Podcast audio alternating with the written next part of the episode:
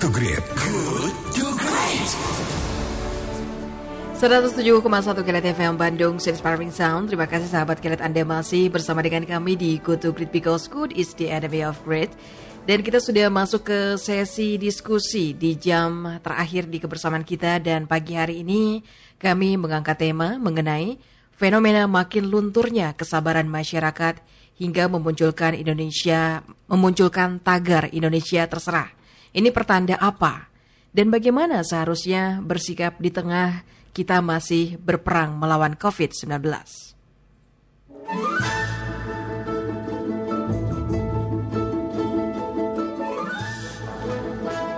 Sahabat Kelet, belum lama ini ungkapan Indonesia terserah sempat trending di media sosial.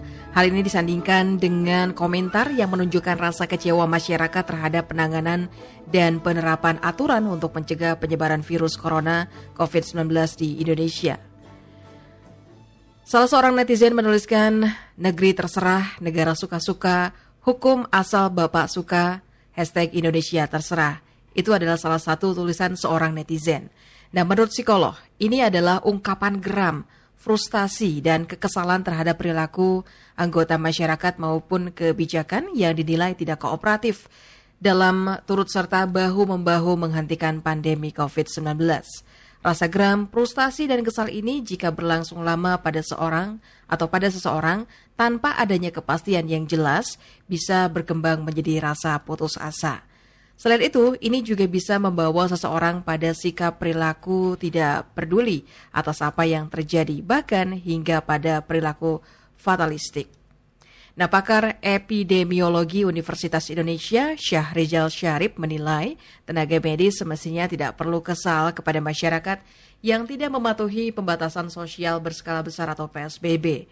Pemerintah yang harus tegas dalam pelaksanaan PSBB. Ketegasan pemerintah bisa ditujukan dengan memberikan sanksi denda kepada masyarakat yang melanggar PSBB.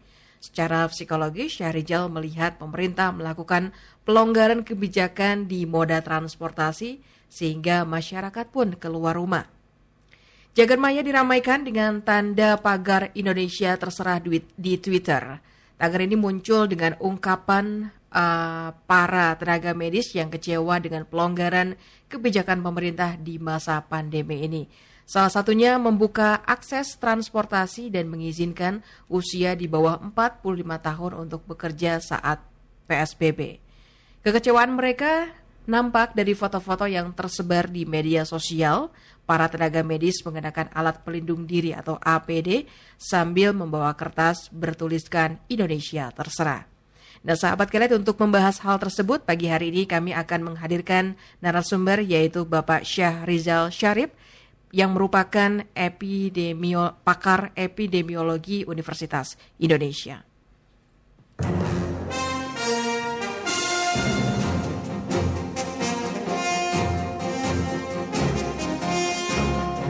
Halo selamat pagi Pak Syahrizal Assalamualaikum Waalaikumsalam Mbak Aska Said juga selamat pagi untuk sahabat Kilat semua yang ada di mana pun.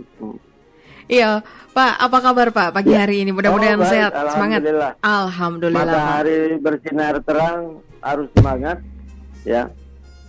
Iya, Pak. Uh, ini belum lama ini ungkapan tagar Indonesia terserah ini menjadi trending di media sosial. Hal ini disandingkan dengan komentar yang menunjukkan rasa kecewa tenaga medis dan masyarakat terhadap penanganan COVID-19 di Indonesia.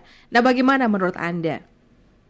Iya, jadi saya ikut prihatin lah ya dalam uh, situasi seperti itu ya dan kemudian memunculkan tagar terserah itu ya tapi saya kira pagi ini ya kita harus membangun semangat baru. Kita berada dalam hari kebangkitan nasional ya. Bagi dokter juga ini hari yang penting karena ini adalah hari bakti dokter ya uh, terkait dengan uh, perjuangan dokter-dokter di Stovia dulu ya 2008 jadi saya kira uh, kita mesti membangun semangat baru. Kenapa itu penting? Karena situasinya memang uh, memprihatinkan saat ini ya. Artinya wabah sebetulnya berada dalam masa-masa yang kritis. Sementara situasi kita ada kelonggaran di masyarakat ya. Dan akan ada hari raya ya. Akan ada arus balik. Ada banyak sekali pekerja migran yang pulang ya. Jadi situasi-situasi ini sebetulnya uh, membuat keprihatinan kita menjadi lebih besar sebetulnya mm -hmm, ya mm -hmm. Iya, Pak Sarizal, kalau yang Anda ya. pahami hingga detik ini, apa yang dialami para tenaga medis? Apakah mereka mulai kesal, frustasi, dan lain sebagainya? Iya, sebetulnya ini cukup apa? Ini kan sudah beberapa minggu ya. Ini sudah masuk ke keseluruhannya. Di kita mungkin empat bulan ya. Mm -hmm. Di dunia sudah lima bulan kelima. Nah, eh, dalam situasi mereka sebetulnya eh, bekerja ya walaupun untuk di daerah misalnya dalam situasi yang fasilitas sarana prasarana yang kadang-kadang terbatas begitu ya mm -hmm. frustasi menunggu uh, hasil lab yang lama sekali ya jadi dan itu juga kemudian memunculkan mengakibatkan uh, pasien banyak meninggal mm -hmm. ya dan praktis juga mereka yang ODP yang apa PDP ada yang di isolasi mandiri di rumah itu juga menularkan ke lingkungannya. Jadi, nah dalam situasi tapi mereka punya semangat juang yang tinggi ya untuk bekerja karena ini memang panggilan jiwa mereka. Nah, tapi melihat kemudian ada kelonggaran-kelonggaran yang uh, presidennya bicara A, nanti di lapangannya B begitu. Loh ini bagaimana sih? Sementara situasinya mengkhawatirkan ya. Data-data sangat mengkhawatirkan ya. Misalnya eh, Jakarta saja yang di memang kita melihat ada gambaran kurva yang menurun ya. Itu disebabkan bukti dari PSBB yang berhasil. Tapi saat ini Jakarta praktis yang tadinya 60 orang 60 persen orang tidak bergerak berada di rumah saat ini saya kira tinggal 30 atau 40 persen. Ya. Mm -hmm. Dan inilah kemudian Gubernur Jakarta memutuskan uh, periode yang ketiga dari PSBB dan saya kira itu tepat ya. Nah Jawa Barat juga begitu ya dalam situasi yang masih berat sebetulnya ya. Mm -hmm. Jadi pemerintah harus tegas lah ya, jangan uh, regulasi pelan-pelan begitu ya simpang siur lalu apa yang dikatakan presiden harapan-harapannya di lapangan nggak sesuai, nggak sesuai. Mm -hmm. ya. Yeah.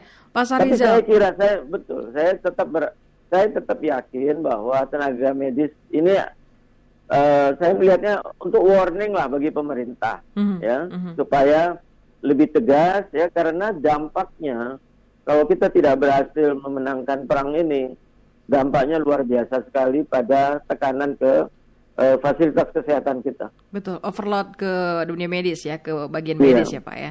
Ya, Pak Sarizal ini apakah wajar jika tenaga medis menyuarakan kekesalannya semacam ini? Bagaimana seharusnya uh, bersikap di tengah masa-masa sulit ini, baik bagi tenaga medis dan juga warga Pak? Ya, gini, memang uh, ungkapan tenaga medis seperti itu ya, tapi saya sih melihat uh, mungkin arus arus utama dari tenaga medis sebetulnya masih tetap mempunyai semangat yang tinggi ya. Tapi kita melihatlah bahwa ini puncak ke kekesalan begitu ya. Jadi eh, kalau saya sih melihatnya sebagai warning lah buat mas buat pemerintah ya mm. agar bisa bersikap lebih baik lah ya di dalam eh, lebih tegas ya karena satu-satunya kunci keberhasilan kita ya dan itu dibuktikan ya. Saat ini kan 85 persen negara di dunia sudah menurun terkendali bahkan sudah merayakan uh, kemenangan terhadap COVID walaupun dengan normalitas yang baru ya. Tapi mereka sudah relaksasi. Nah itu bukti bahwa PSBB atau sejenisnya ya lockdown yang itu bisa ya untuk merupakan intervensi kesehatan masyarakat yang bisa mengatasi wabah ya dan saya tetap yakin bahwa uh, kita tidak akan mengalami endemis ya. Wabah ini tidak akan endemis seperti HIV begitu. Ya, saya tetap yakin itu. Hmm. Memang akan lama di negara-negara ya yang low income country itu lama. Di Afrika itu bisa satu dua tahun ya tapi untuk negara Indonesia dan dibuktikan juga negara middle income yang lain ya di ASEAN semua berhasil Mhm. ya hanya kita dari 10 negara ASEAN hanya kita sendiri saat ini menghadapi tekanan yang berat Iya, iya.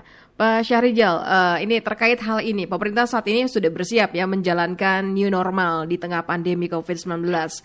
Pemerintah mulai menyusun skenario pelonggaran PSBB sebelum mulai menjalankan new normal. Bagaimana tanggapan Anda, Pak?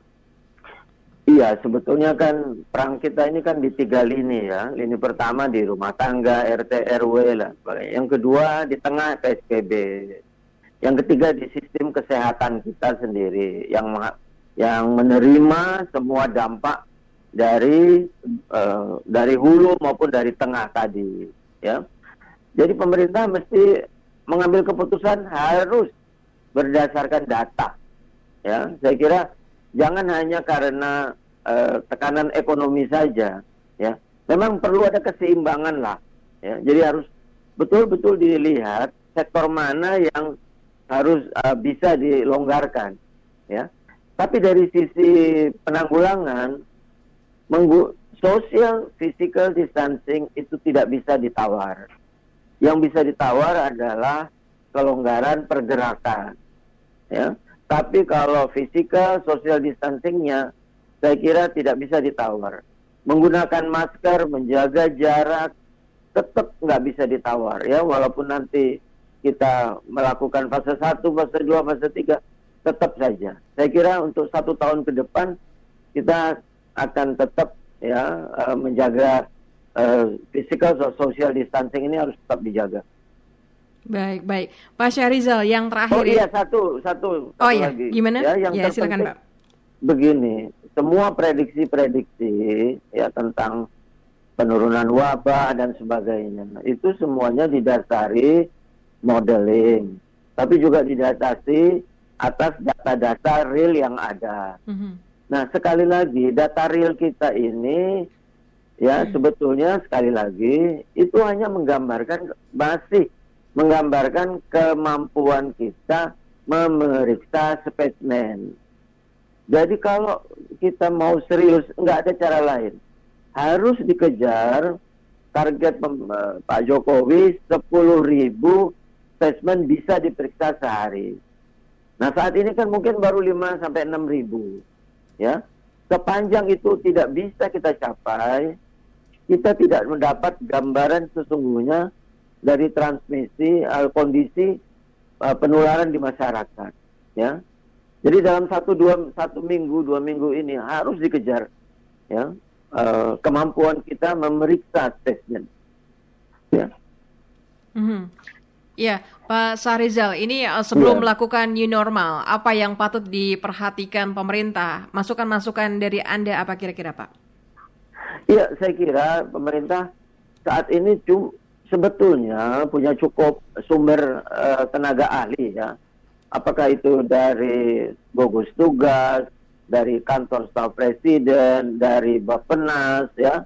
Dan juga saya kira sebetulnya tim ahli yang ada di DKI itu cukup ba- bagus sekali ya. Jadi saya kira pemerintah harus berdasarkan eh, apa pendapat tim ahli lah ya jangan apa eh, bukan pendapat pengusaha pengusaha, pengusaha begitu misalnya Mhm. ya jadi harus mengacu kepada eh, basisnya harus sains ya Nah, saya kira saat ini skenario-skenario yang dibuat oke ya tapi saya kira dengarkan dasarnya tetap harus dasar eh, penurunan kasus harus menjadi dasar kebijakan ya Baik, baik, baik. Pak Syahrizal, terima kasih untuk obrolan di pagi hari ini.